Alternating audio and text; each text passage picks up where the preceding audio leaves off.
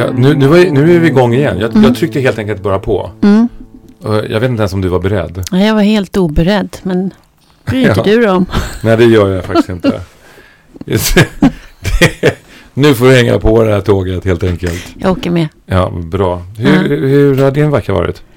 Ehm, Sen sist vi sågs? jo, men jag, eh, du vet ju att jag pluggar ovanpå att jag jobbar jättemycket. Ja. Men eh, och i mitt, mina studier nu så eh, handlar det mycket om fobiträning. Och jag har ju också min första klient. Mm. Och, så det har varit sånt i veckan. Mm. Det är otroligt intressant. Vet Ja. du hur lätt det är att faktiskt bli botad från sin fobi?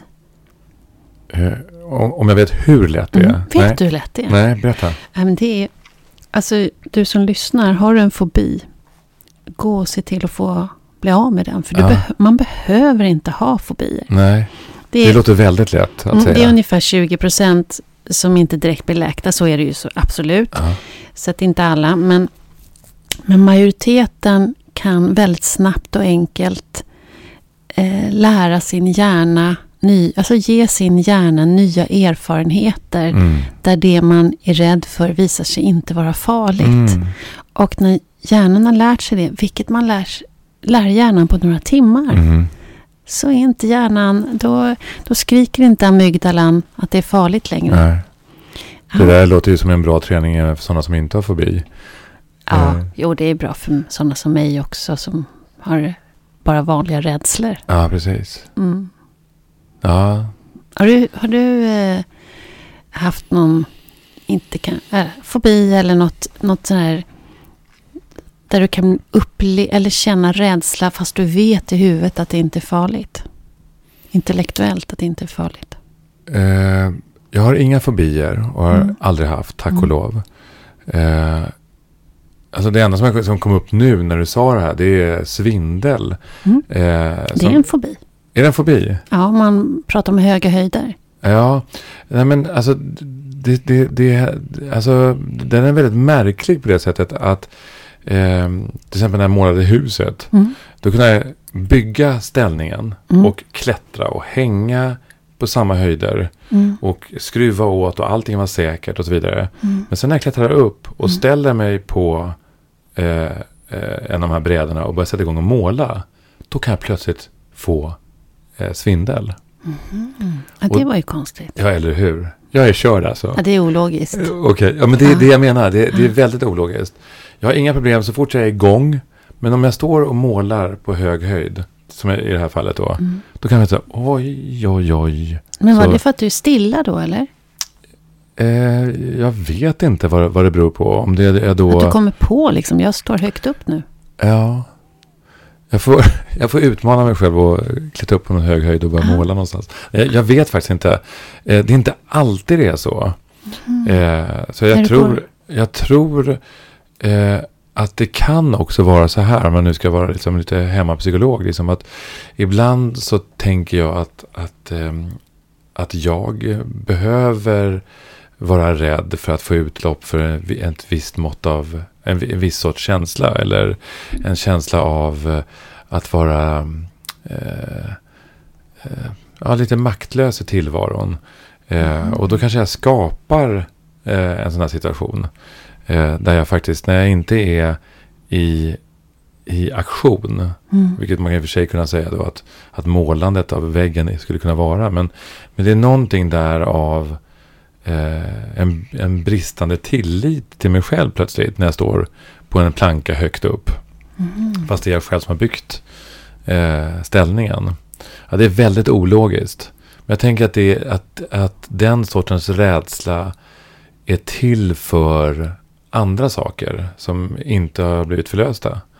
Eh, det är en Så när, omväg. din, så när din kropp larmar det här är farligt. Ja, just det. Så gör den det därför att du ska få kanalisera något annat. ja, eh, ja, kanske att det är liksom... Synd att det inte här är en, en att det här är, vet du det, vlogg, heter det så? Video. För din min där när du frågade det här, den var obetalbar. eh, kommer du ringa efter den vita bilen efter det här nu. När jag har berättat det här. Jag blev bara nyfiken. Ja. Förstod inte riktigt. Nej, men jag, jag tänker ibland om, om jag eh, behöver ett utrymme att, vara, att bli rädd. Och så Eh, kan det ju vara. Men jag tänker att det låter så enkelt om hjärnan bara, nej men fasiken, nu behöver Ulrika bli, träna lite rädsla här. Nu tjongar vi till så här, fan Ja. akta Ulrika, det är farligt här. Ja, men jag tänker att det, det, i och med att det kommer på ett sånt sätt så är det inte logiskt och det är liksom inte heller medvetet utan det är mitt undermedvetna som knackar på och säger att det är någonting som du måste titta på här. Det är någonting som inte är i balans. Mm. Eh, eller någonting Mm. som inte är, är som inte flödar fritt här. Liksom. Det, det, Mm. det är någonting som du inte har tagit, tagit, tu, tagit i tur med. Mm. Så tänker jag. Mm. Kommer det här på andra ställen än just när du står och målar vägg? N- ja, eh, nja, Eller är det alltså, men Jag kan svindeln? vara svindeln så här, men då, då tycker jag att det, det, den är helt adekvat. Det Okej. är om till exempel om mina barn går för nära en kant. Mm. Eh, då kanske, åh, åh, åh, nej, kom in, kom in, kom in, Mm. kom in. Men det, det känner jag, det, den, det är liksom urfadern i Mm. mig liksom, som Mm. är rädd om mina barn. Och Mm. då, då är den adekvat. Jag, då larmas det liksom. Mm. Jag vill inte att de ska ramla ner och slå sig. Mm.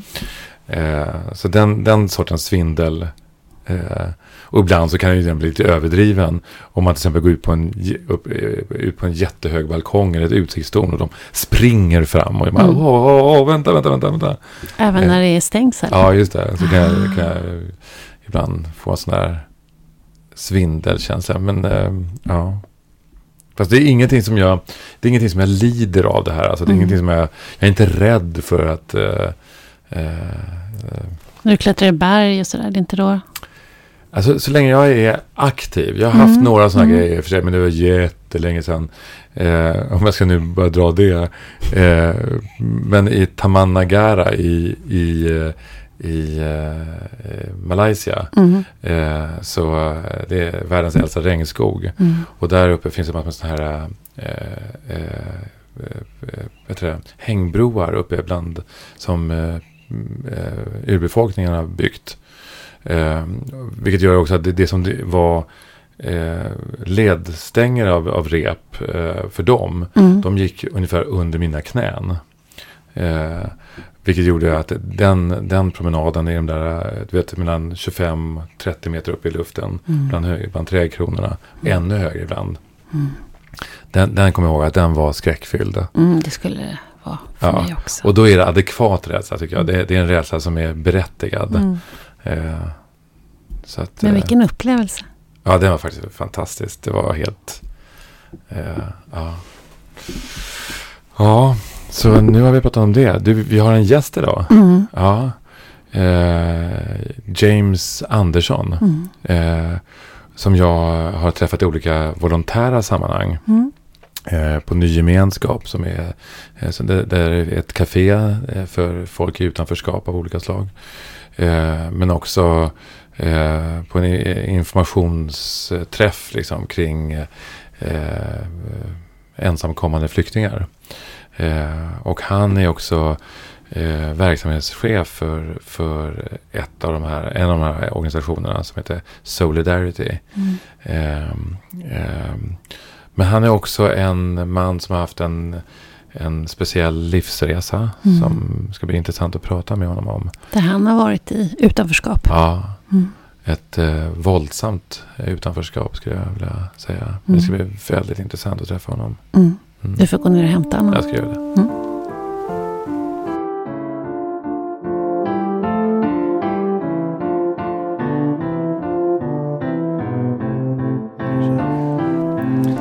Välkommen James Andersson.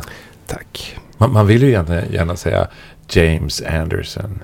Ja, men där är två S i namnet. Så att, Ja, eh, precis. det, det, Det, där rökte han. där rök den. Så. Ja, ja. ja. Men det är många som säger James istället för James. Mhm. James. Ja, just Ja. det. Det hade Så- nog jag gjort. Ja, just det. Men det ska vara det här- James. Precis. Ja. Ah. Jag Ja. brukar inte anmärka på det, men det händer ibland. Hur kommer det sig att det blev just James? Vet du det? Har du fått höra någon berättelse? Nej, faktiskt inte. Jag, jag heter Martin i, i andra namn. Så att det, det är väl min mamma som ville ha det. Hon är från Sydamerika och pappa Ja. är svensk. Så, Mm. så det blev något mellanting. Mm, mm.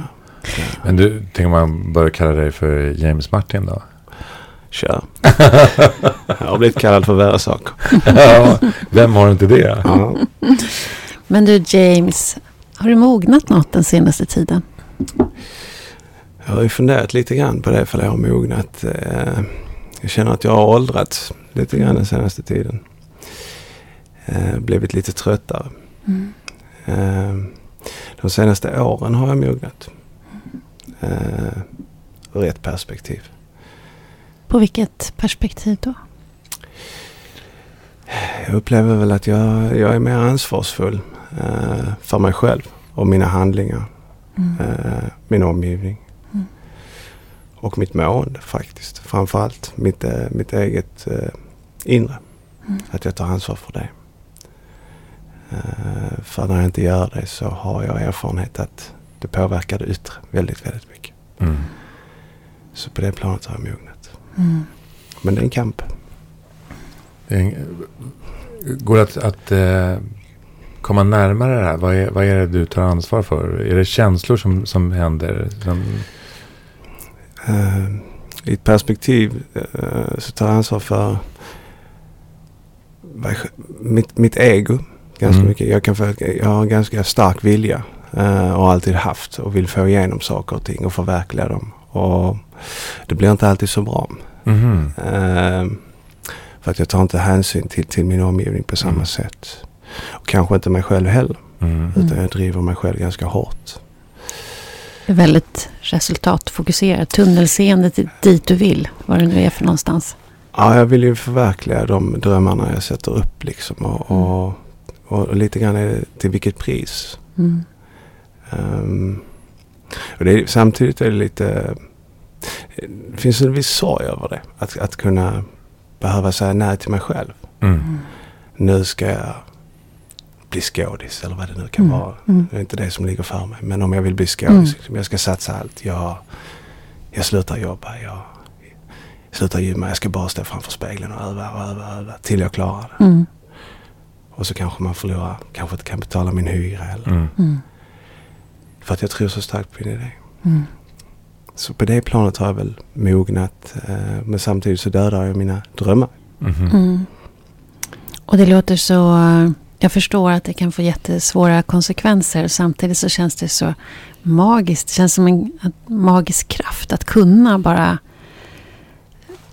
Det här ska, dit ska jag. Till varje pris. Men jag förstår att det finns en jädra baksida.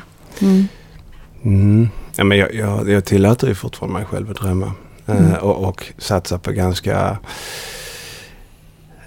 svåra mål. Kanske om några tycker. Eller ganska... eh, Jag vet inte om de är ouppnåeliga. Men ouppnåeliga under min livstid kanske. Men de är ganska långt fram och, och svårbegripliga och, och, och svårdefinierade. Kan, Mm. kan Som har med, med dig själv att göra eller har med, med världen, hela världen att göra? Eller? Ja, det, det handlar ju mer om hela världen. Ja, ja, Att vara en del av förändringen så att säga. ja.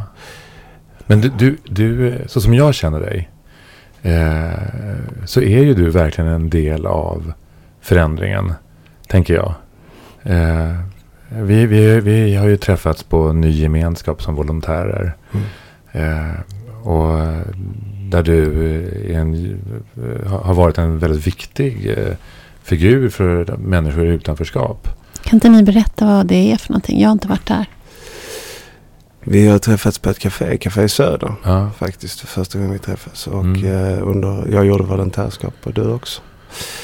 Där många människor i all form av utanförskap eller svårighet att passa in i samhället eller på olika sätt. Eh, psykisk ohälsa, missbruk, fattigdom, ålderdom, Ensamhet.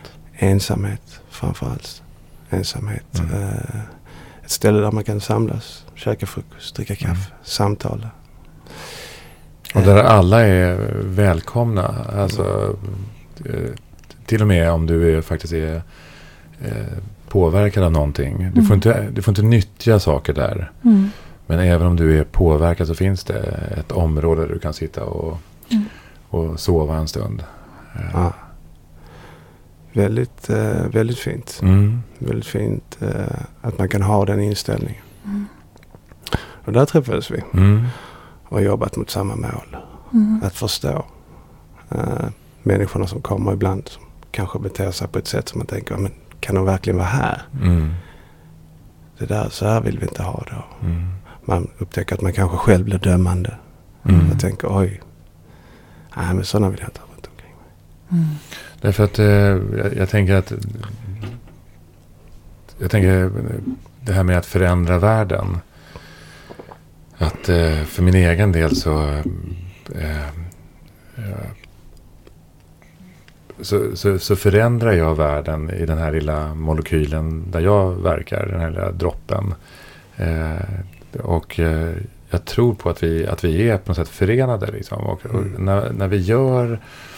Och jag tappar också eh, kompassriktning liksom, i tillvaron. Och jag känner ibland att herregud, nu sitter jag och snackar med den här knarkaren igen. Om samma sak igen. Eh, och det känns meningslöst. Men det, det är ju inte det. Utan det är ju små förändringar som gör eh, helheten. Mm. Eh, och eh, det, det, det, är inte så många profeter eller samhällsförändrare som föds i varje generation. Men alla vi andra kan göra rätt mycket men i en, lit, en mindre skala. Tänker jag. Absolut. Uh, alltså vi kan göra jättemycket och, kan, vi, kan vi hjälpa en människa att uppnå sitt mål, om det nu är att lämna utanförskap, det är inte alla som vill. Mm. Vi hade en, uh, en göteborgare som vi har hjälpt åt väldigt många runt omkring. Mm. Och, som idag har ett ganska bra liv, dit Mm. han ville komma i alla fall. Mm. Och lämnat, lämnat hemlöshet och efter sju, åtta år Mm. missbruk och har jobb och Mm. bostad. Mm. Och det, det är kul Mm. eh, att, att få hjälpa till. Och, och samtidigt så är det ju frustrerande. För det, det, det jag gjorde i det arbetet det var ju att jag dokumenterade allt. Hur mycket arbete det fanns runt omkring för att, för att hjälpa en människa upp. För att vi, vi kan ju se en hemlös på gatan och tänka, men det är kanske bara att gå till SUS eller det är bara att gå till sjukvården. Ta dig i kragen. Bara man har viljan så kommer det gå. Och den här inställningen. Och, och vi upptäckte att det tog, utan att gå in för, för långt på detaljer, men vi upptäckte att det tog ett och ett halvt år att bara få den hjälpen som han behövde. Mm. Som han själv bad om. Mm. Och jobbet mellan alla myndigheter. Mm. Mm. Och du har dokumenterat det för att ur ett lärande perspektiv att se att så här fungerar det faktiskt. Ett eh, pedagogiskt eh, lärandeperspektiv. Både Mm. för, för oss i, som jobbar i målgruppen för att förstå och hur kan vi bli bättre på att komma till den punkten vi vill komma till. Mm. Så att säga. För ibland känns det hopplöst. Efter ett och ett halvt år, det är många dagar. Det är många för en dagar. individ. Och, och sen också för att visa för myndigheterna. Eh, för att här var många myndigheter. Det var länsstyrelse och kommun och Mm. ja, polismyndighet involverade. Mm. Hur de måste samverka. Mm. Och eh, ja, vi, vi har skickat in någon form av rapport också till vårt eh, statsborgarråd. Mm. Mm. För att visa Mm. att liksom, ni måste skärpa er. det är inte det, Vi kan hjälpa hur mycket som helst. Men om inte alla vill hjälpa till så kommer det inte funka. Mm. Mm. Ja, det här, hänger det här ihop med de här målen som du har satt upp? Eh, Som du, du nämnde att du hade flera mål, men vill du berätta något med tanke på det som vi pratar om nu? Så de målen jag har nu det är ju att försöka göra, göra det till en lite bättre plats för alla att vara på. Eh, som kommer efter oss, mina barn, era barn, våra barn. Till skillnad från målen jag hade förr när det kanske handlar om att göra en lite bättre värld för mig. Mm. Mm. Utan att ta hänsyn till, till min omgivning. Mm. Mm. Så att det är de målen. Och, och lite... Man måste förstå problemet först. Mm. Innan jag, jag, jag måste, om jag ska lösa ett problem. Nu citerar jag någon känd. Jag är dålig på namn. Men om jag ska förstå problem. Jag har tio timmar på mig. Så behöver jag lägga nio och en halv timme på att förstå problemet. Mm. Och en halvtimme på lösningen. Mm. Mm. Och det här är ju svårt. Tålamodskrävande. Mm. Mm. Jag håller helt med. Ja. Det är, det, är, det är oftast det som går snett när man tillsammans ska lösa ett problem. Det är att vi har olika tolkningar om vad som är problemet. Så vi jobbar åt olika håll och ibland till och med mot varandra. Mm. Och också just det här att, att det finns en, en, eh, en tidsaspekt där inlärandet inte eh, får plats riktigt. Det här att, Mm. att för att förstå det här som vi nu kallar för utanförskap. Vi ska komma in på det lite grann sen, eller jag har en följdfråga på det. Eh, om vi ska kunna förstå utan, utanförskapet som helhet, men också individens utan, utanförskap, så måste man ju, måste vi ta oss tid att förstå. Mm. Eh, och det handlar inte om att vi pekar med hela handen med en gång och visa hur vi ska lösa det här. Vilket vi har ju en slags eh, idé om vi ska lösa allting Mm. hela tiden. Men det, det krävs för, för att det ska kunna få till en djupare förändring så krävs det ju att vi måste förstå någonting här också. För att vi, ska- för att vi ska kunna förändra. Mm. Men eh, eh, James, vad, vad, vi, vi pratar ofta om det här med utanförskap. Och jag tänker så här. Nu är jag barnet här. Vad, vad, vad är ett utanförskap? Vad är, det, vad är det för någonting? Så det, det är väldigt svårdefinierat tycker jag själv faktiskt. Eh, eller det finns ju flera sorters men utanförskap i, i, i all enkelhet när man inte får vara med. När man inte passar in. Om vi då tittar ur ett samhällsperspektiv. När man inte får samma möjligheter som alla andra. Mm. Det är en form av utanförskap. Så kan man ju diskutera om det är självvalt eller inte självvalt. Det är också perspektiv hela tiden. Mm. Eh, så, och sen finns det ju som, som jag ser det systematiskt utanförskap skapat av alltså systemet. Mm. Mm. Eh, för att man inte hänger med Mm. helt enkelt. Eller man blir, man blir satt i ett fack. Mm. Mm. Eh, från, ja, från 90-talet och, och efter psykiatrireformen 95 va, så, så har vi ju sett väldigt många fack och väldigt många olika utanförskapsfrågor som har kommit fram och tillbaka. Mm. och hur man har liksom kränkt människors autonomi och, så, Mm. och så vidare. Mm. Och, och den här den är, den är så svårdefinierad den här utanförskapet. Just nu så jobbar jag ju med en väldigt mycket mot en målgrupp som jag ser, jag kallar det för artificiell utanförskap för jag tycker det är, det är skapat av systemet. Mm. Eh, för att de vill uppnå någonting som egentligen inte hör till det humanitära. Men, men det är någonting helt annat. Så att utanförskap är väldigt svårt. Men Mm. Är missbruket utanförskap? Ja, kanske. Mm. Jag tycker det. Ja. Det är kanske inte alla som tycker Vissa kanske tycker att ja, men det är ju självvalt. Han har ju valt det. Mm. Eh, kriminalitet är ett utanförskap. Ja. Eller har de valt det själv? Mm. Och när får man vara med igen? Kan man välja? Kan man hoppa in och ut? Mm. Kan man välja? Det är en väldigt bra fråga. Ja. Mm. Jag, jag tänker också att, att utanförskap är ju bland det värsta som kan hända en människa. Eh, De flesta i alla fall. Mm. Att det, det är ju inbyggt från vår, vår hjärna. Från, från flera tusen år tillbaka är, ju- är ju är byggd för att överleva. Och det är två faror. Det ena är att vi ska bli övermannade, hotade, uppätna eller dödade. Det andra är att vi ska bli uteslutna Mm. från gruppen. Mm. Så det är bland det farligaste vi kan vara med om. Mm. Att känna att vi inte får vara med. Mm. Och att vi inte behövda, att vi inte har någon plats.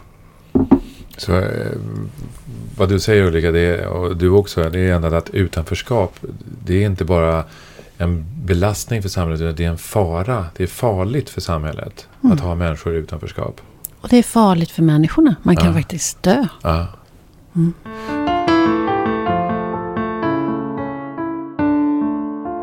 Du, du, du är närmare det här själv nu, men, du har ju varit i både i, i missbruk och i kriminalitet. Just I den formen av utanförskap. Eh, Känns det okej att prata om det? Absolut. Ja. Eh, hur, hur hamnade du i det? Var det ett, ett val för dig? Jag kan ju bara berätta min upplevelse kring Mm. hur det är. Och, och jag ansåg inte att, jag, att det var ett val. Alltså ett val där jag kunde säga nu ska jag bli missbrukare, nu ska jag bli kriminell. Det som, som jag kanske har gemensamt med, med många andra, det vet jag inte. Det är ju att jag sedan haft en in, sedan födsel, eller födsel vet jag inte, men sedan, sedan tidig ålder haft en inneboende känsla. Alltså, det handlar om psykologi då såklart. Av att liksom inte passa in, att det måste finnas någonting mer och så vidare. Eh, I olika sammanhang. Mm. Att vara annorlunda och så vidare. Den känslan har ju varit en, en, en känsla som faktiskt följer mig upp i vuxen ålder och även nu. Mm. Som kan, kan slå mig ibland. Liksom, jag här? Jag ska inte vara här. Att du inte är önskad? Eller? Inte oönskad skulle jag inte säga det utan man passar inte in i sammanhanget. Man, man, man, det, det, är, det är väldigt svårdefinierad Mm. känsla. Det är någon form av ensamhetskänsla. Mm. Eh, också där det kommer en drivkraft. Att det finns mer. Du måste ta mig till nästa plats. Mm. Är svårt att stå still. Och, och i psykologin så kan man ju titta på, eller psykiatrin där, som, vad det är någon diagnos eller och så sätter man en bokstavskombination eller någonting annat. En personlighetsstörning. Mm. Och det finns ju lika många diagnoser som det finns människor. Mm. Det är inte två stycken som är likadana hela Mm. vägen igenom. Så att min missbrukskarriär började ju ganska tidigt. Liksom. Hur gammal? Så jag började prova experimentera när jag var väldigt ung. Fjärde, femte klass. Med Oj. olika saker. Vi, vi provade sniffa spritpennor. Man snodde alkohol och gjorde häxblandning kallades på den tiden. Mm. Det här var ju på 80-talet. Mm. Glamrocken kom. Ja.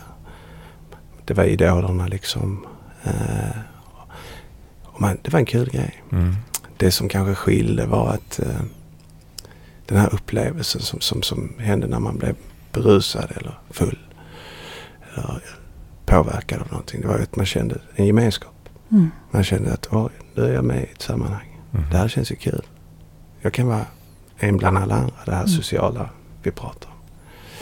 Så på den vägen var det en början. Och sen så går det ju från missbruk. Eller ja, att testa sig fram till att det blir ett beroende. Och sen blir det ett missbruk. Och sen, sen tar missbruket över. Då försvinner allting annat. Mm. När man får den här beroendesjukdomen. Mm. Och, då är det kört. Precis. Är det den, den svåra erfarenheten som du har, är det det som omvandlats nu till din drivkraft att göra annorlunda för andra? Nej. Eller var kommer den drivkraften ifrån? Jag har funderat på det väldigt, väldigt länge. Jag, och det finns ju vissa biologer som säger att vi kan ärva tankemassa genetiskt. Och så min pappa var FN-soldat. Han har krigat för rättvisa runt om i hela världen och gjort massa saker. Och haft en väldigt bra moralisk kompass och gjort rätt handlingar till skillnad från mig. Men jag vill ändå påstå att eh, genom livet så har det följt med att jag hela tiden vill vara rättvis. Jag vill kämpa för den svaga. Även när jag har levt i, knepiga sammanhang med kriminalitet och droger. Min egen självbild har ju varit liksom att jag har varit någon form av Robin Hood. Mm. Eh, tills jag har varit, slått sönder den självbilden också. Jag har sett Mm. att jag har givetvis skadat andra människor i det här. Mm. Men, men liksom att man delar på bytet och, och vi... Så det, det har ju varit det som har... Men rättvisa och... och tycker världen blir ganska dyster när man ser hur den ser ut. Jag, jag, har, jag är kanske lite cyniskt lagd. Jag, jag, vet inte. Jag, försöker ta mig igenom Schopenhauer nu som är väldigt cynisk. Eh, och uh, se, se, jag gör det också med en viss skämtsamhet när jag Mm. läser. För Mm. jag, jag kan känna igen mig. Mm. Och så tänker jag så här kan det inte vara, så här får det inte vara. Så att det finns någon gnista av att det finns, det är någon mening med allt. Mm. Mm. Så det är ändå, oavsett, det jag hör dig säga, att oavsett när det har varit som värst i missbruk och kriminalitet så har du ändå, det har ändå funnits en mening. Du, där du har varit, där och då. Då har du skapat en mening. Du är Robin Hood, du skapar rättvisa för en, du finns för en svage. Och sen slog du sönder den bilden för du såg att den stämde inte. Men du, du är meningsskapare. Tror jag, ja. jag tror att bilden har slagit sig sönder i efterhand. Det var ganska mycket förnekelse i det här också. När man, Mm. när man, om man talar om att mogna. När man rannsakar sig själv så säger Mm. man oj det var inte riktigt så här. Mm. Det är kanske också ett rättfärdigande för att fortsätta med det, den livsstilen. Mm. Det har ju klart det har hängt i liksom. Det har ju Mm. kommit längre, vi, längre fram där jag först, Jag har ju lagt mitt livspussel och, och, en gång i tiden och tittat oj Mm. där kom min förändring på tal om förändring men, Mm. och en del av mognadsprocess. Men under tiden, det, jag, jag, ibland så jag ska, kan jag säga att jag saknar jag, jag var helt hemlös en period. Jag var efterlyst och vi bodde med massa folk i tält Mm. runt omkring och hängde med dem.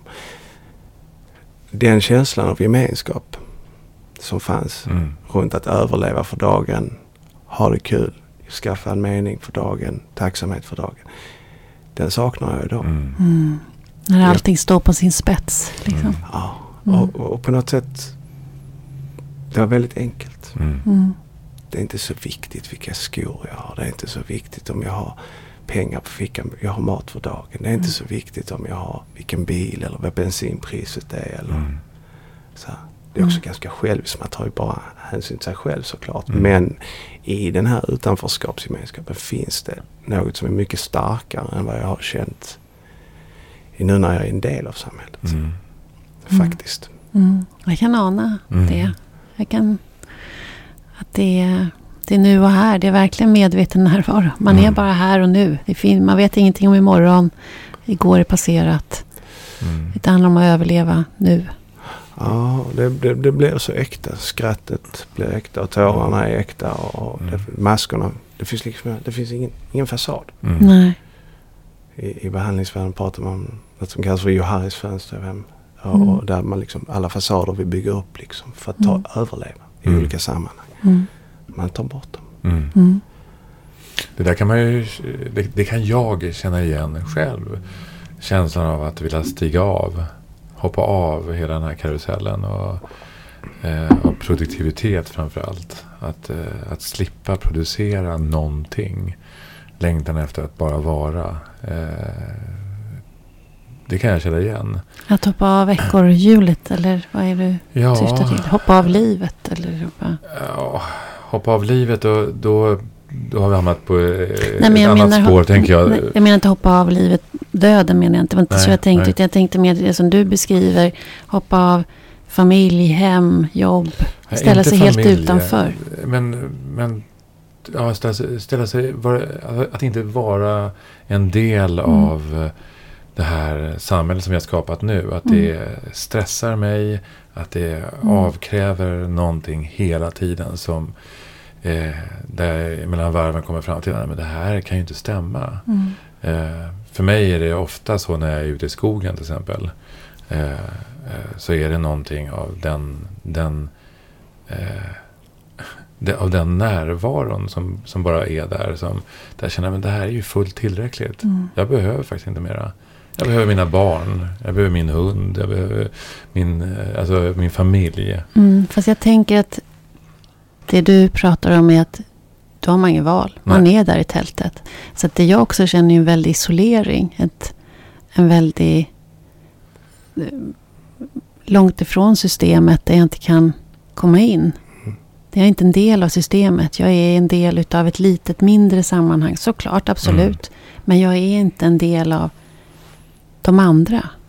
Nej, men så är det. Så är det. Eh, man, det. Det är ju både fysiskt påtagligt när man inte är en del av systemet. Alltså man, man ser annorlunda ut. Man kanske klär sig men kommer inte in på samma ställe. Men det är också en inneboende känsla.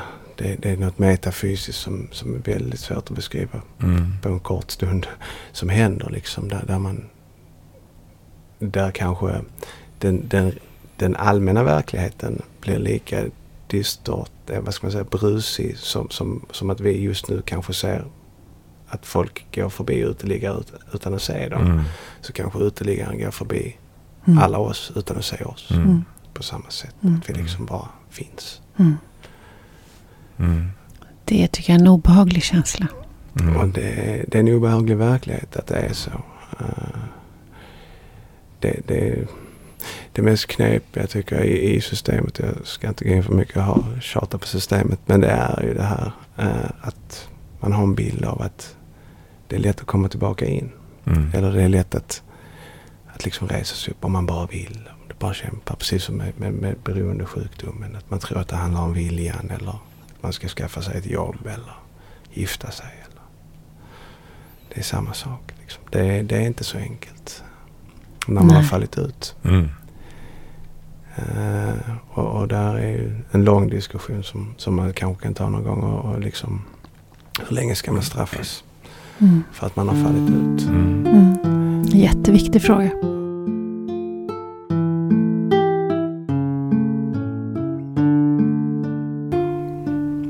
Och hur bygger man ett system som välkomnar in? Ja, det är, det är en annan fråga. Eh, Mm. vilka kriterier som, som krävs och, Mm. och vill vi? Mm. Eh, och, och vad grundar sig kanske vårt system? Varför har vi det som vi har det? Med, med straff, där man straffas och det ska läggas på och Mm. du kan inte komma in i arbetslivet på samma sätt om du har suttit i fängelse. Mm. Kanske inte kan ta lån, du kommer inte få kan hyra den lägenheten och, och så vidare. Och så Mm. vidare. Hur länge ska man straffas? Mm. I livet har du försatt din chans? Har man bara en chans i livet? Eh, är det kört sen? Mm.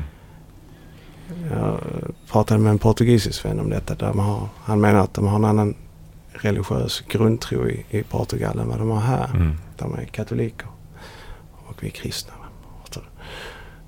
Och där, där lyfter man människan istället på ett annat sätt säger han. Mm. Nu har jag inte någon erfarenhet av Mm. Portugal men han säger att där, därför är det chans på chans. Det, det, det hänger inte med dig. Därför blir det lättare. De har en annan missbrukspolitik till exempel också. Mm. Där man hjälper missbrukarna upp från gatan på ett annat sätt än vad man gör. Där man ser det som en sjukdom istället. Så det är ganska intressant faktiskt. Mm. Och väldigt viktigt. Mm. En väldigt viktig diskussion i, Väldigt viktigt. i samhället som vi har alldeles för lite Ja. i, i, tillsammans. Inte minst drogpolitiken. Du nämner Portugal som har ju en väldigt speciell eh, drogpolitik. eh, Men som har visat sig vara ganska framgångsrik när just det gäller rehabilitering. Men jag kan det- ingenting om den. Va? Nej, men jag för- kan också för lite egentligen. Och det är egentligen ett, ett, ett annat tema som hamnar utanför för eh, vår, våra preferenser just nu, eller hur?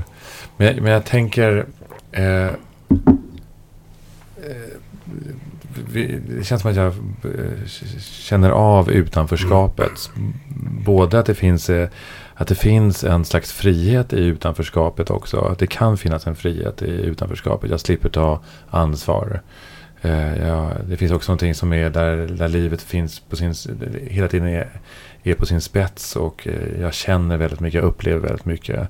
Det är liksom eh, från hand till mun eh, en verklighet. Och samtidigt är det ett utanförskap där jag inte får tillträde till, till samhället i, i övrigt. Och också en känsla av att man blir tittad på på ett sätt eller inte sedd. Och, Framför, alltså, utanförskapet blir framförallt påtagligt när man vill tillbaka in. Eller ka- tillbaka kanske är fel ord. men Man kanske är född i utanförskap. Men Mm. när, när man försöker komma in. mm, När man försöker ta del av samhället och är i utanförskap. Mm. Då, då blir det ju påtagligt. Men så länge man, man kan ju kapitulera på olika- sätt. Man kan ju ge upp och bara säga men jag skiter i det här. mm, Jag ska, jag ska knarka. mm, Då blir det enklare. mm, För då försöker man inte. Då finns det ingenting att kämpa emot. Jag gör min grej. mm, Men den hjälpsökande som vill ut, alltså vill, vill, vill göra någonting annat. Där blir det ju väldigt påtagligt. Och då blir det nog otroligt, eller nog, det blir otroligt påfrestande. Både psykiskt och mentalt. Och det, det, det, gäller, det gäller både missbruk och kriminalitet. mm. Eh, Den här svåra vägen in igen när man har stått så långt utanför. Mm. Eh, det, James, är, är du inne nu? Har du kommit in? Jag betalar skatt. Eh, betalar av mina skulder. Hänger med. Och jag, jag jobbar. Eh, jag kör en Volvo. Grattis. Eh, så här, så jag, på ett sätt så är jag, är jag ganska inne. Men eh, på ett annat sätt är jag inte. Sen om det är på grund av min egen känsla av att mitt förflutna fortfarande kan, kan bära last för mig. Mm. Tänk, tänk, om, tänk om fel person förstår min bakgrund. Då kommer jag kanske inte kunna få det och det och det och det. Mm. Eh, jag sökte ett jobb. Jag fick jobbet eh, till exempel. Det var, det var ganska länge sedan men, men jag sökte ett jobb. Men då, då hade jag ett belastningsregister så det gick det inte. Då kunde jag inte få jobbet. Mhm. Mm. Även om det var väldigt länge sedan. Mm. Och på ett sätt så kan man ju välja att hänga upp sig på det och säga nej men oj oj oj. I mitt fall så jag, jag kunde ju överleva ändå och hitta ett annat jobb och så här. Men, jag skulle vilja säga att jag är inne i samhället till, till, till det yttre som, som rent fysiskt. Jag gör, jag gör allt som en samhällsgud medborgare ska göra. Känslomässigt så går det i perioder. Mm. Mm. Eh, Jag jobbar på det. Mm. Och de bra dagarna, Hur, eh, hur, hur det går, kommer och går liksom? Att, finns det bra dagar när du känner dig även mentalt? De bra dagarna är, är det ju inte så mycket fokus på mig själv. Utan jag tänker inte, det är inte mitt ego med så mycket och, och så här. Då, då är jag Mm. bland alla och Mm. jag hänger med och bryr mig inte om att jag har Mm. tatueringar på halsen och händerna och hur jag ser ut och så vidare. Och kan sitta med alla, alla sorters människor från vilken, vilken social klass som helst. Eller Mm. Mm. arbetsklass eller elit. Eller så. Mm. De dåliga dagarna, jag bor i ett, kan komma ibland. Jag Mm. bor i ett område som är eh, lite upscale, eller hur man ska beskriva det. Jag brukar säga att det är ganska vitt. Mm. Eh, och så här, det, är, det är inte så många som ser ut som jag där. Och vissa dagar så, så kan jag tänka, fan, men det är ju en känsla som jag skapar själv. Mm. Jag tycker att folk tittar på mig. Det kanske de gör, jag vet inte. Men, Mm. men jag bryr mig. Mm. Mm. det är gymmet jag går på där liksom och, och så vidare. Då, Mm. då blir jag väldigt självmedveten. Tänker, nej men här vill jag inte vara. Alltså, Mm. Jag vill flytta till Tensta Mm. eller Mm. någon annan ort Mm. där ingen kommer att döma. Mm. Men för den känslan ligger hos mig. Det, det, eller, fall, det har ju bara hänt några, det har hänt några få gånger att folk har kommit fram och sagt till mig på dem. Liksom. Att, Faktiskt. Det var faktiskt en som sa, gick fram och sa att jag ser väldigt provocerande ut. Jag borde inte vara på det här området. Så, Att Så att du det- ser ja, provocerande ja. ut. Ja. Mm. Så, så att det, det händer. Och jag, jag blev så chockad så att jag började skratta.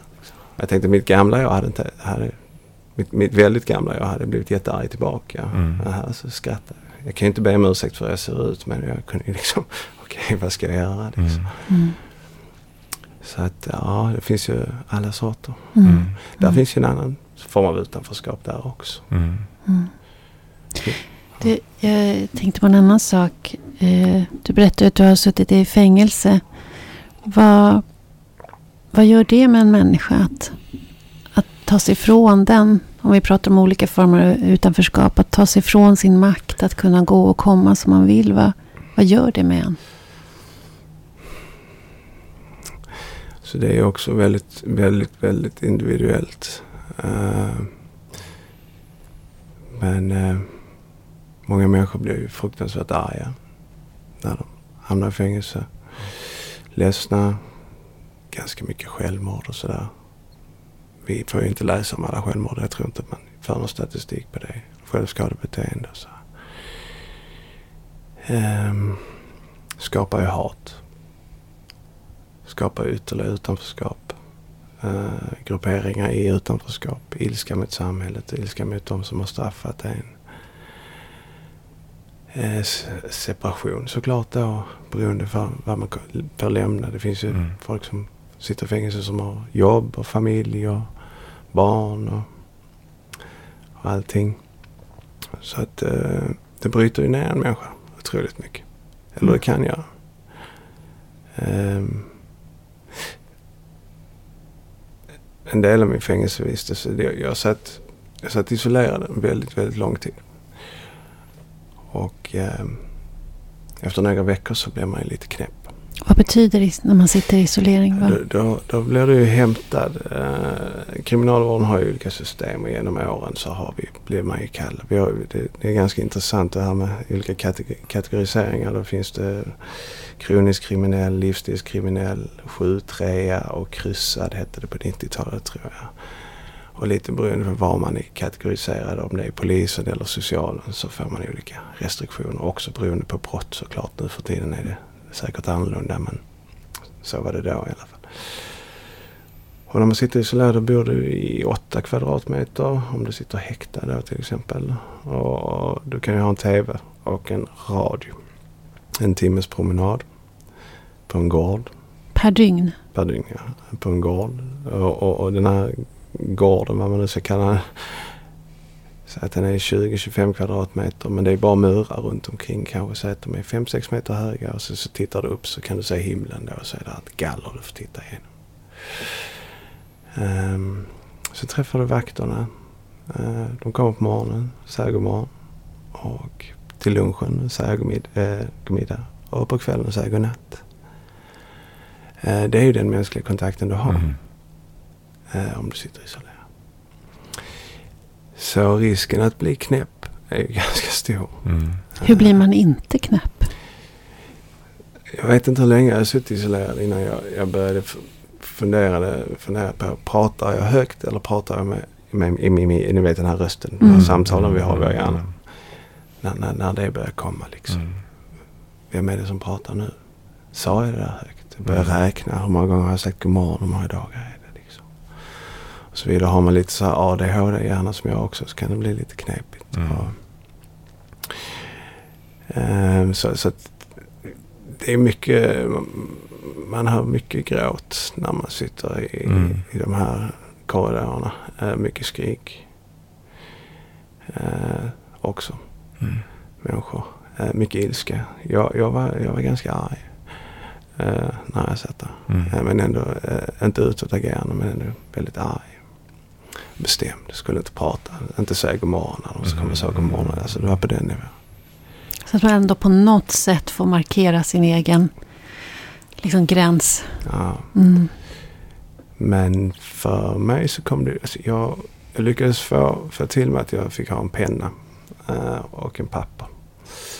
Och då kom de in med fem pappersark åt gången och man får en pennstump som är jag vet inte, tre centimeter. Som man kan skriva, som man inte kan använda som vapen. Mm. Skada sig själv. Mm. Och, ehm, och det var efter att jag suttit där, jag vet inte exakt hur lång tid, några veckor. Och jag började skriva. Och det var, jag pratade innan här om, om, om att lägga mitt livspussel. Mm. Och jag började skriva och jag skrev i dagar som blev till veckor, som blev till månader. Och sen satte jag samman allt det där. Jag fick papper hela tiden. De kom och lämnade papper. Jag hade papper i hela, hela cellen. Mm. Sen läste jag igenom och satte samman mitt liv. Och Det var ditt eget livspussel du skrev alltså. Mm. Mm, och sen Wow. jag ihop det. Och så där kom en, där kom en frihet. Mm. En förståelse över, oj, det är ju därför jag är här. Mm. Det betyder kanske inte direkt att jag just då kände i den sekunden att jag hade gjort fel och att jag förtjänade men, men någonstans så kunde jag börja förstå. Okej. Alla mina handlingar, allt som har skett i mitt liv som har lett upp till den punkten att jag är här just nu. Då blev jag lugn. Mm. Allt tyst. Mm. Då blev det begripligt. Det blev bara tyst. Mm. Det var inga problem. Det fanns ingen oro, ingen stress. Ehm, Och vad tror du att det handlar om? Är det handlar det om att det blir för dig begripligt och det jag hör, min tolkning då att du också skapar någon slags, som du pratar om för meningsfullhet. Det finns mitt i allt det här värsta som har hänt nu så finns det någon mening med att du skapar ditt livspussel och du får en överblick. Eller? just, just i den stunden eh, var det otroligt viktigt för, eh, för att hitta det här lugnet och förstå Mm. att inte, jag, jag tror att jag hade blivit galen annars. Mm. Eh, eller kanske tagit livet av mig, jag vet inte. Men, men just i den stunden så var det liksom okej. det, blev väl- det var det jag valde att göra det. Liksom. Mm. Om jag kan göra någonting. För jag kunde inte titta på tv, jag kunde inte lyssna på radio för det funkar liksom inte. Mm. Det gav ingen ro, det gav bara mer brus. Det var bara väldigt mycket brus och meningsfullt att sitta av tid liksom. Eller meningslöst. Så att i efterhand då så, så, så kan jag väl säga tillbaka så men jag gjorde ju en psykoterapeutisk Mm. behandling på mig själv. Liksom. Mm. Eh, där, där jag liksom mentaliserar mig själv hela vägen. Mm. Eh, och det var ju fruktansvärt krävande. Och jag, jag, har ju, jag har ju tur som kunde göra det med mig själv. Det är inte, det, det är inte alla som förmår det. Det är inte så enkelt. Men det gav mig ju styrka liksom att acceptera. Mm. Och hitta en väg att överleva, överleva den tiden. Vad Mm. är Men- din vändpunkt? Min vänd, vändpunkt, min, min, min vändpunkt kom väl i, i fängelset också så att säga. Eh, Så insikten att ge livet en chans på, på ett annat sätt. Mm. Eh, En del av vändpunkten låg i att liksom förstå att det inte funkar på mitt sätt. Jag har haft, jag har haft flera vändpunkter i livet får jag tillägga utan att, utan att jag såg in för långt på min livshistoria så att säga. Jag har, det har varit många upp och ner. Mm. Eh, men just, just i den här delen av mitt liv så kom, kom eh, vändpunkten där, där inne. Liksom, där. Men det, det blev en slags frihet genom en begränsning. Du, du var liksom eh, rent fysiskt och i verkligheten så var du inlåst. Men du, plötsligt blev du tvingad att hitta en egen dörr, en egen nyckel till... Och den var till, till dig själv. Så kan man eh, beskriva det. det. Det som hände i den första perioden när jag hade skrivit det här och gjort det här. Det var ju såklart eh, att jag fick hitta en strategi för att överleva den här tiden. Jag skulle Mm. sitta i fängelse, man ska ut bland populationen. Jag tyckte det var ganska jobbigt. Jag tyckte jag ville hellre sitta isolerad. När man har gjort det så blir man bekväm med det, hittar sina rutiner. Och eh, att inte tänka. Jag Mm. har barn. Mm. Jag har en mamma, bror, vänner. Inte tänka. Så man, jag, jag, samma murar som finns runt fängelset finns, fanns ju runt min hjärna. Mm. Man brukar säga att vissa brukar kalla det, jag tror på den tiden kallade man för telefonvolter. Alltså Mm. de som ringer ut väldigt mycket, de mår ju Mm. också väldigt dåligt. Mm. Alltså det här, man får ju stänga av. Det är inte rättvist mot de som är utanför. Såklart. Men det är en överlevnadsstrategi. Mm. Det finns ingen annan väg. Precis som i, ut, i, i det här vi pratar om utanförskap i samhället. Att man stänger av. Okej, men man tänker inte ens på att jag inte får ett jobb. För man går aldrig och söker ett jobb. För man, man vet det är kört. Mm. Så det finns inte med. Så hela världen blir ju liksom fängelset. Mm. På gott och ont. Mentalt är det lättare att överleva eh, inne i fängelset. Men, men det, det förbereder ju en inte så väl för att komma ut. Nej. Men med den här erfarenheten som du har av att eh, sitta inne och det, det du beskriver. Och du fick ju också en, en, en resa där. Eh, men om man tänker så här.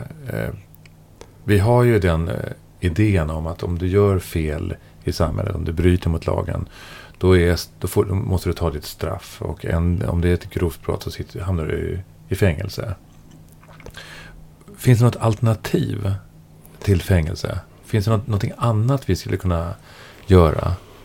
Eh, som, som eventuellt också skulle kunna vara just utvecklande.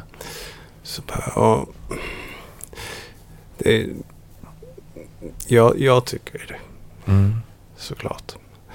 Eh, jag, jag tycker att man, man kanske bör prata om reform, alltså, reformering låter ju också ganska hemskt men, men det jag inte förstod när jag var ung som jag kanske förstår idag det hade jag kanske kunnat få hjälp med att förstå redan då Mm. på ett annat sätt och, och på så sätt bidra till samhället istället för att vara en belastning som, som kanske kommer tillbaka till fängelset igen. Mm. Jag menar som fängelsesystemet ser ut idag. Där man kanske, de flesta som sitter på kåken eh, säger att straffet bör, börjar när man kommer ut. Mm. Mm. Jag vet inte om ni har hört det. Mm. Och, och så är det ju verkligen. Det börjar när man kommer ut. Ändå så har ju kriminalvården i uppdrag att socialisera tillbaka. Mm. Pratade med eh, Morgan Johansson om detta för eh, måste vara sex år sedan. Om utsluss och vad vi kan göra. Mm. Men, men han, han har nog tappat det han lovade. Det finns Mhm. en tidningsartikel om det. Men nu vill man ju ha hårdare straff för och det är ju Mm. såklart som samhället ser ut och, och populismen och man vet inte hur man ska göra. Men Mm. det finns ju modeller. Det finns modeller i Kanada, det finns modeller i, i, i Norge och det finns modeller i Danmark. Hur man, hur man kan hjälpa till med olika Mm. utslussmodeller. Jag tror att visst inlåsning en viss tid, absolut. Eh, för, för att liksom skydda både samhället och individen.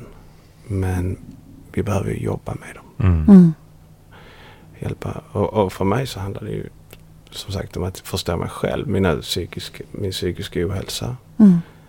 Eh, vad är rätt och fel? Vad är ett samvete? Mm. Eh, hur gör man? Hur fungerar världen? Mm. Eh, saker som man kanske lär sig i skolan om man hade varit med. Mm. men mycket, mycket kring moral och etik. Mm. Eh, väldigt, väldigt mycket. Men när du säger att eh, det jag inte förstod som ung, som jag förstår idag, det hade jag kunnat få hjälp med att förstå redan då. Då hade jag inte blivit en belastning. Va, vad är det du inte förstod då som du hade velat få hjälp med att förstå? Delvis. Det, jag, jag kan inte säga att det hade blivit annorlunda men eh, det, det, delvis så handlar det väl också om att förstå mig själv och hur Mm. världen fungerar och omgivningen fungerar och hitta ett sammanhang där. Mm. Mm. Eh, I mitt fall så kanske det handlar väldigt mycket om att jag, jag vill ju inte lyssna på vuxna och jag vill inte lyssna på, på jag hade väldigt svårt att ta, ta till mig auktoriteter. Jag kunde Mm. tycka att det fanns en orättvisa redan från början. Jag var ju väldigt långt till vänster när jag var ung först. Då. Eh, jag tyckte att hela systemet var fel. Men, men att och det, det kanske inte är så motigt. Man kanske får hitta en annan metod för att, för att lära in. Idag kan jag ju, har jag ju tid och ork att läsa filosofi som är tusen år gammal. Eller 2000 år. Som faktiskt hjälper mig Mm. Mm. att förstå. Och, Mm. och att det är liksom inget nytt att världen är så här. Mm.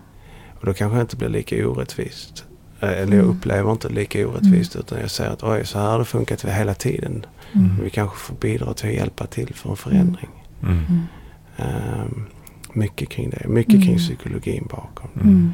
Och sätta saker i system och sätta saker i sitt sammanhang och få en större bild. Ja. Mm. Eh, vi måste börja avrunda. Ja. Och eh, vi brukar ställa en fråga som vi har egentligen varit inne på hela tiden. Egentligen tänker jag med, med tanke på allt vad du har sagt. Eh, men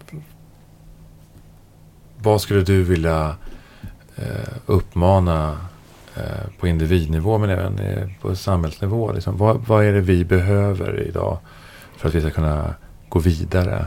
Eh, för att vi ska kunna mogna, för att vi ska få se en, en slags utveckling. Det, det, nu har vi pratat väldigt mycket om den, en sorts utanförskap här. Men, Mm.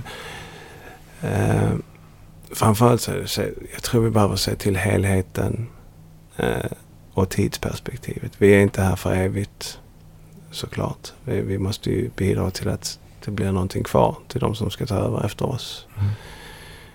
Eh, men, men det jag är inne på just nu, det jag jobbar med, det är ju att se till helheten. Liksom. Vi kan inte titta på en fyra års period. Vad är det bästa och det populistiska? Alltså vi är ju väldigt själviska varelser. Mm. Eh, politiken är väldigt självisk. Eh, åsikterna är väldigt själviska. Och ur ett perspektiv, varför inte vi är här på väldigt kort tid? Men det är, kan man tycka. Men å andra sidan, det är inte riktigt det som är meningen att tänka så. tror jag. Vi ska ju föra någonting framåt. Mm. Skapa någonting vidare. Mm. Så att liksom, det finns en fortsättning. Att man tänker kring helheten. Hur gör man? Hur gör man om, om, om Kalle eller Ulle eller vem det är som hamnar på kåken eller i missbruk? Och hur länge ska han straffas? Och hur ska Mm. han komma tillbaka in i samhället? Vilka vägar är det? Hur Mm. underlättar vi kring det? Kanske inte bara göra som man gjorde på 90-talet. Att man bara öppnar upp alla dörrar Mm. och säger nu ska du åka på en båtresa så blir allting jättebra. Och man Mm. hade lite sådana grejer. Men, men kanske hjälpa på det psykologiska framförallt. Tänker jag. Mm. Man behöver hjälpa till. Lära människan att förstå, alltså individen att förstå sig själv och få Mm. hjälp med det. det. Det är ju vad som hjälpte mig. Och det är ju Mm. det jag jobbar med hela tiden. Jag vet inte om det var svar på din fråga men Att jobba med sitt självledarskap. ja, Mm. det var med sig Att- själv. Alltså, vi brukar säga så här, det är frågorna här som vi diskuterar. Det är svaren. De, Ja. de, eh, de överlämnar vi på ett sätt till lyssnarna också. Men Ja. det är, jag, jag hör, jag hör, eh, jag hör eh, genom hela samtalet vad är, vad är det du efterlyser. Eh, Det är det här, det här, de här kortsiktiga, just nu det jag jobbar med just nu, där man, man tittar, man jobbar väldigt mycket i projektform i de här, eh, när man jobbar med utsatta grupper och så. mm, Och projektform är, är tidsbegränsade efter kalendern. Inte efter hjälpen, så länge hjälpen behövs. mm, Och, Mm. och det är ju det är, ju- det är helt galet. mm, Mm. Jag kan ju inte säga att nu ska jag börja hjälpa någon den första oktober sen ska sluta första december för då är problemet klart. Mm. Mm. För det är ju så vi gör, gör idag. mm, Allting ska vara kvantifierat, redovisningsbart och så glömmer vi bort problemet. Så plötsligt börjar problemet alltså, egentligen bara vara något jobbskapande för någon annan. mhm, Och man skapar andra problem. Man börjar Mm. titta på andra saker istället. Hur ska vi få det här projektet att fungera? Om vi plockar in dem. Och är inte, det här ett problem på så många håll i samhället? Att vi, vi underordnar oss systemet. Vi glömmer bort det mänskliga. Mm. Vi glömmer bort. Vi, Vi agerar som vi vore maskiner som ska in i ett system. Mm. Och vi glömmer att vi behöver relatera till varandra. Vi Mm. behöver den här meningsfullheten. Det, det existentiella Mm. är, är ju... När, när det kommer till, Mm. till, till eh, vad det är som egentligen betyder någonting. Så Mm. är ju det. Och det, det. Det kan ju se ut på väldigt olika saker. Men det är ju meningen Mm. eh, som, som vi kan skapa var och en för sig. För sig liksom. Men där, där ligger det nog. Mm. Och det har vi bara snuddat vid här lite grann. Ja. Sådär. Men det, det finns ju mer att säga där. Absolut. Ja, Tack för att du kom hit ja, till. Poddmogna. Tack för att jag fick komma hit. Tack. Tack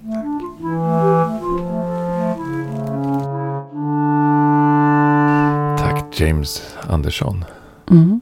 Tack. Mm. Ja, det var ett eh, eh, andra perspektiv. Ja, det var det verkligen. Och tankeväckande och också väldigt känslomässigt. Mm. Känslomässigt och, och eh, jag hade också en känsla att vi, vi hann. Det var, det var så mycket som Mm. det här berörde och det var så mycket som slog an i mig också. Eh, eh, inte minst det här att vara isolerad under en längre tid och inte ha kontakt med omvärlden. Men också hur han löste det på ett fantastiskt sätt tycker jag. Mm, Eh. men också den andra isoleringen där i tälten. Ja, just det. Där ingenting är viktigt än att överleva dag för dag. Mm. En isolering men också en frihet som jag Och en jag, frihet. Ja, Mm. ja. Jag tänker att de här... eh, Det här eh, slår an saker som är väldigt, också väldigt grundläggande liksom för ett välmående. Mm. Eh, alltså den inre resan. Mm. Eh, vad, vad är frihet för oss människor? Hur Mm. förhåller vi oss till frihet? Mm. Eh, jag och många andra menar ju på att frihet är bland det svåraste vi har att förhålla oss till. Mm. Eh, Absolut. Dels är det frihetsbegreppet men sen är det också meningsskapandet. mm, Som, han, som slog an i mig. Att han, han berättar ju om hur han skapar en mening. Eller för honom då, mening. I, var han än är så blir det en... Och, och det... Det, un, att det finns ju forskning som visar på det. Nu tänker jag på Aron Antonovsky. mm, Som visar att eh, när vi skapar oss ett sammanhang och en mening för oss själva. mm, Så har vi också mycket större motståndskraft mot ohälsa. mm. Att eh, vi, vi klarar att härda ut mycket mer. Mm. Om vi bara har en mening Mm. med det vi gör. Precis. eh, Jag, jag tänker... Men det handlar ju också om att, att, att meningsskapandet inte blir... Att, att det, det måste vara eh, verklighetsanpassat också. Eh, Mm. Det måste relatera till den, till den faktiska verkligheten tänker jag. Utan att jag för den skull vill ta bort fantasin eller drömmar. Inte det. Men jag tror också att det finns också en möjlighet eh, eh, att fly. Eh, att man hittar mening med någonting som kanske egentligen inte är ett korrekt handlande. Eh, Men tror du inte att det blir mening i alla fall för den personen? jo, just det. Eh, Men det blir ju inte för oss andra eller i ett Nej, sammanhang precis. så blir det Exakt. inte. Mm. Eh, det, det, jag menar också kanske också lite grann med, med frihet är ju heller inte någonting som handlar om, eh, om mig personligen. Eh, för för det, det är ju egoism i så fall, om jag gör precis vad jag vill. Mm. Eh, om det jag gör får konsekvenser, men det skiter jag i vad det Mm. blir för kon- konsekvenser. Eh, så är, är det inte frihetsbegreppet för, för min del. Liksom. Mm. Utan frihetsbegreppet är ju hur kan, hur kan jag vara i ett flöde tillsammans med andra människor. Mm. Eh, och där har vi ju svårt i vårt samhälle. Det är svårt att inte trampa andra på tårna. Mm. Eh, det är svårt att, att, eh, att, eh, att leva sin dröm Mm. eh, utan att någon annan eventuellt eh, känner sig sårad eller övergiven. Eller Mm. varför Mm. eh, får jag inte vara med? Eller varför, varför gör du det här? Varför gör du det här? Mm. Men känner, har du, kan du känna igen den där starka drivkraften som han också pratar om? Det där mot alla odds så ska jag dit. Jag ska ta mig till den här platsen, vad det nu är för något. Mm. Har du haft den Eh, som Ja, jag har nog haft det mer än att jag har det. Mm, mm. Eh, och jag kanske tyckte att jag kanske hörde det också att jag hade lite mera med, med eh, den yngre delen Mm, av, av livet. absolut. Alltså, ja. Eh, där kunde jag nog kanske känna det. Mm. Eh, Medan idag så upplever jag inte alls att, att, eh, att egentligen så ligger, så ligger inte framgången i att genomföra allting till varje pris. Eh, därför att det finns mycket längs med vägen som är betydelsefullt. Mm. Eh, ja, det, det är det berömda. Det är ju inte målet som räknas liksom. Det sägs det. Eh, Det var det där med resan. ja, Mm. det, det, jag tycker ändå att det ligger någonting Oh i, ja. i det. Oh ja. Det, det kan också vara så när, när man når målet, Mm. när vi mål, når målet så eh, förlorar också vi meningen. Eh, Ja, man pratar ju om det med när man har vunnit det där priset. Eller ja, som man har strävat så långt efter att det blir ett tomrum. Ja, Men jag, jag kan också känna igen det där i det lilla. Om man inte tar de där stora drömmarna. Att eh, har jag bestämt mig för någonting, att det här ska jag göra eller mm, det här ska jag leverera eller det här. Då kan jag känna igen att som inte bara är bra. Mm. Att eh, jag har en tendens att plocka bort allt annat. För Mm. att nu, nu ska jag göra det där. mhm, Ehm, inte alls på samma sätt nu längre som när jag var yngre. Men, men jag, kan, jag kan checka in i den mm, kanalen. Mm. Liksom. Nej men eh, jag, jag tänker också återigen för att använda slitna uttryck. Eh, det är den berömda balansen. Mm. ja, det, Eh, Ja. Som, som, är, som är ju rätt avgörande. Liksom. Det är balansen mellan det lilla och det stora. Eh, och där, och att, att eh, just meningsskapandet är ju det som är avgörande för att vi ska kunna känna att det här har någon slags sorts betydelse. mm. Och då, då spelar det egentligen ingen roll om jag håller på, eh, håller på i rabatten med en blomma. Nej. Eller om jag håller på med forskning för eh, någonting väldigt viktigt. Mm. Nej, det är helt sant. Mm. Men jag tror att vi har olika vi har olika förmågor att känna och skapa den här meningen. Det tror jag. Mm. Att den är individuell för oss. Mm. Och, och också att, att eh, det behöver inte vara konstant heller. Den här mening, alltså att, att jag vet vad meningen Nej, den är Nej, förändlig. den är Den förändlig. måste vara förändlig ja, eftersom kontexten Ja, förändras. precis. Mm. Så att det är, Annars blir det någonting annat. ja, Mm. och att det också är, det, det är ju både smärtan med att vara människa och, och ynnesten. Att vi hela tiden ställs för olika dilemman som vi måste lösa på olika sätt. Mm. Ja. Mm. ja, du. Ja, ska vi tacka för oss? Ja, det tycker jag. Ja. Tack Hej för idag. Tack. Hej Hej. då.